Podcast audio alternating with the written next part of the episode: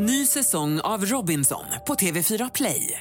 Hetta, storm, hunger. Det har hela tiden varit en kamp. Nu är det blod och tårar. Fan händer just nu. Det. är Detta är inte okej. Robinson 2024, nu fucking kör vi! Streama söndag på TV4 Play. Du lyssnar på en podcast från Expressen.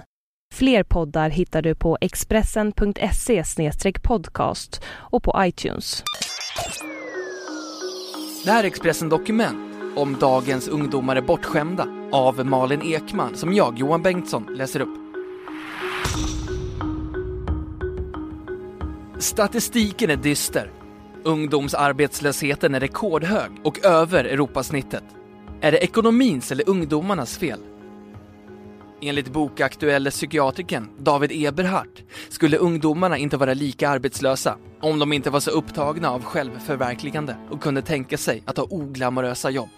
Samtidigt upplyser Socialdemokraterna i sin PR-kampanj med tydlig adress åt de unga att framtiden inte byggs av snosare.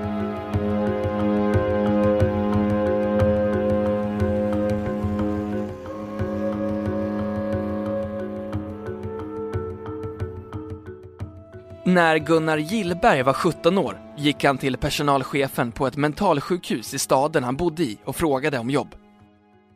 Det var på 70-talet och han var fastanställd inom en halvtimme. Idag forskar han om unga vuxna på arbetsmarknaden. Jag hade inte ens åldern inne. Man var tvungen att vara 18 år. Idag är mitt exempel i princip helt omöjligt för en ung människa. Många får vänta tills de är över 30 år på sin första fasta anställning och allt större grupper tvingas under långa perioder att arbeta under mycket osäkra villkor, säger Gunnar Gillberg, filosofidoktor i arbetsvetenskap vid Göteborgs universitet. Enligt bokaktuelle psykiatrikern David Eberhardt är det inte så mycket samhället som ungdomsgenerationen som förändrats. Hans bok Hur barnen tog makten handlar främst om barnuppfostran, men också följderna av brist på sådan. Bortskämd är ett så värdeladdat ord. Jag tycker att man ska prata om att dagens generation ungdomar riskerar att bli besvikna. Det är lätt att bli besviken om man förväntar sig mer av livet än vad man får, säger David Eberhard. Han tycker att det kravlösa samhället institutionaliseras. I skolan ställs det först inga krav och sen alla krav på en gång. Hemma får barnen bestämma över allt och lära sig att de kan bli vad som helst. När de släpps utanför hemmets trygga väggar konfronteras de med verklighetens många fallgropar. Samtidigt som David Eberhardt anser att ungdomar far illa av allt för höga förväntningar på livet tycker han att de har det förhållandevis bra som de har det.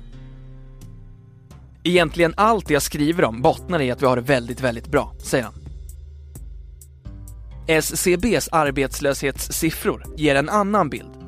Bland unga mellan 15 och 24 år är det nära 25 procent mer än dubbelt så hög som när David Eberhardt var ung. Min erfarenhet är att det är rätt svårt att få svenska ungdomar att vilja ta alla jobb. Men det är möjligt att jag har fel, för jag har inga belägg för det. Men det finns ju ändå en hel del jobb, säger David Eberhardt. Journalisten Sonja Schwarzenbergers många visstidsanställningar, hon räknar dem till 41 stycken, ledde till en medverkan i antologin Skitliv om de ungas otrygga arbetsmarknad det ledde i sin tur till hennes första fasta heltidsjobb. Det var i år som hon hade hunnit fylla 33 år. På Arena Opinion leder hon bland annat fackföreningsgruppen 6Fs kampanj Vilket samhälle vill du ha? Så roligt att David Eberhardt har en känsla av att dagens ungdom är bortskämd. Då kan jag bidra med lite fakta. Ungdomsarbetslösheten är rekordhög och otryggheten har ökat bland de jobb som finns.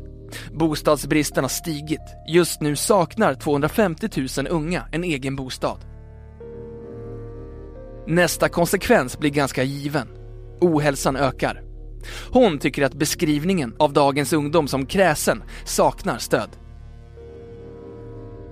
Vid sidan av den dystra statistiken breder bilden av att det inte är tiden utan ungdomarna som förändrats ut sig. SVT sände för ett par år sedan två säsonger av realityserien Ung och bortskämd, där bortklemade ungdomar sprungna ur curlinghem fick tävla i att växa upp. För en knapp månad sedan släppte Socialdemokraterna i samarbete med reklambyrån Granat en väckarklocka i appform. Lystring, dags att kliva upp, Kom ihåg, framtiden byggs inte av snosare, lyder ett av Stefan Löfvens sju egenupplästa väckningsalternativ. Tanken var att marknadsföra kraftfulla reformer mot ungdomsarbetslöshet, men många debattörer menade att kampanjen utgick från synen på ungdomar som sjusovare. Jag förstår att tanken var god, men det slog fel eftersom så många människor längtar efter ett jobb eller bara ett normalt liv med lite trygghet, semester och månadslön, säger Sonja Schwarzenberger. När Stefan Löfven var ung på 70-talet pendlade den relativa arbetslösheten mellan 4 och 8 procent. Det var möjligt att få en fast anställning utan eftergymnasial utbildning. Det är Stefan Löfven själv ett bevis på. Men Socialdemokraternas partiordförandes svindlande karriär är inte så unik. Många 50 och 60-talister har idag toppjobb utan en enda högskolepoäng på CVt. Idag står också ungdomar med toppexamen utan jobb, även om arbetslösheten drabbar dem utan utbildning hårdast. Gillberg och andra forskare talar om det uppskjutna vuxenlivet. Den logiska konsekvensen av ungdomars brist på trygga arbets och bostadsförhållanden är att vuxenlivet får vänta. Om hela målet med livet handlar mindre om överlevnad och mer om självförverkligande är det lättare att bli besviken om man inte förverkligar sig själv, säger David Eberhardt, som erkänner att självförverkligande är en av hans egna drivkrafter. Sonja Schwarzenberger ser å andra sidan behovet av självförverkligande som ett symptom på en otrygg tillvaro. Att drömma och hoppas är något grundläggande mänskligt, men det kanske också säger något om vad den här generationen vill fly från. När du riskerar att bli bostadslös och ha ångest över hur mycket det kostar att gå till tandläkaren, kanske det är ännu viktigare att bli en stjärna. Det är ju då du räknas, när du har en plattform, vilket jag, Gunnar och David har, men som de flesta saknar, säger de. Frågan om tillståndet för dagens ungdom delar experterna. Sett till arbetslöshet och bostadsbrist har den det sämre än på länge. Å andra sidan står fler möjligheter till buds. Valfriheten är ångestskapande, men samtidigt var föräldragenerationens snäva livsmallar på flera sätt värre, menar Philip Wang, professor i psykologi vid Göteborgs universitet. Man gifte sig, skaffade barn och hade jobb. I någon mening var det sämre. Nu har man andra möjligheter. Det är något väldigt positivt. Att landa för tidigt är inte alltid så lyckat, säger Philip Wang, som varnar för följderna av allt för hastiga beslut. Många äldre tycker att det är otroligt provocerande med ungdomar som utforskar, reser, läser det ena och läser det andra och har svårt att ta ställning. Jag tror inte på att pusha för att ungdomar ska utforska mindre och bestämma snabbare. Det kommer att slå tillbaka, säger han. Det man kan vara säker på är att dagens generation ungdom är tidernas mest begåvade. Den nyzeeländske statsvetaren James Flynn ligger bakom upptäckten som David Eberhardt refererar till. Det kallas Flynn-effekten.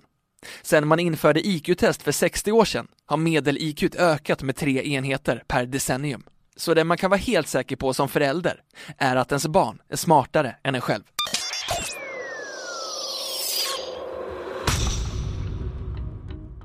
Du har lyssnat på en podcast från Expressen. Ansvarig utgivare är Thomas Mattsson. Fler poddar finns på Expressen.se och på iTunes.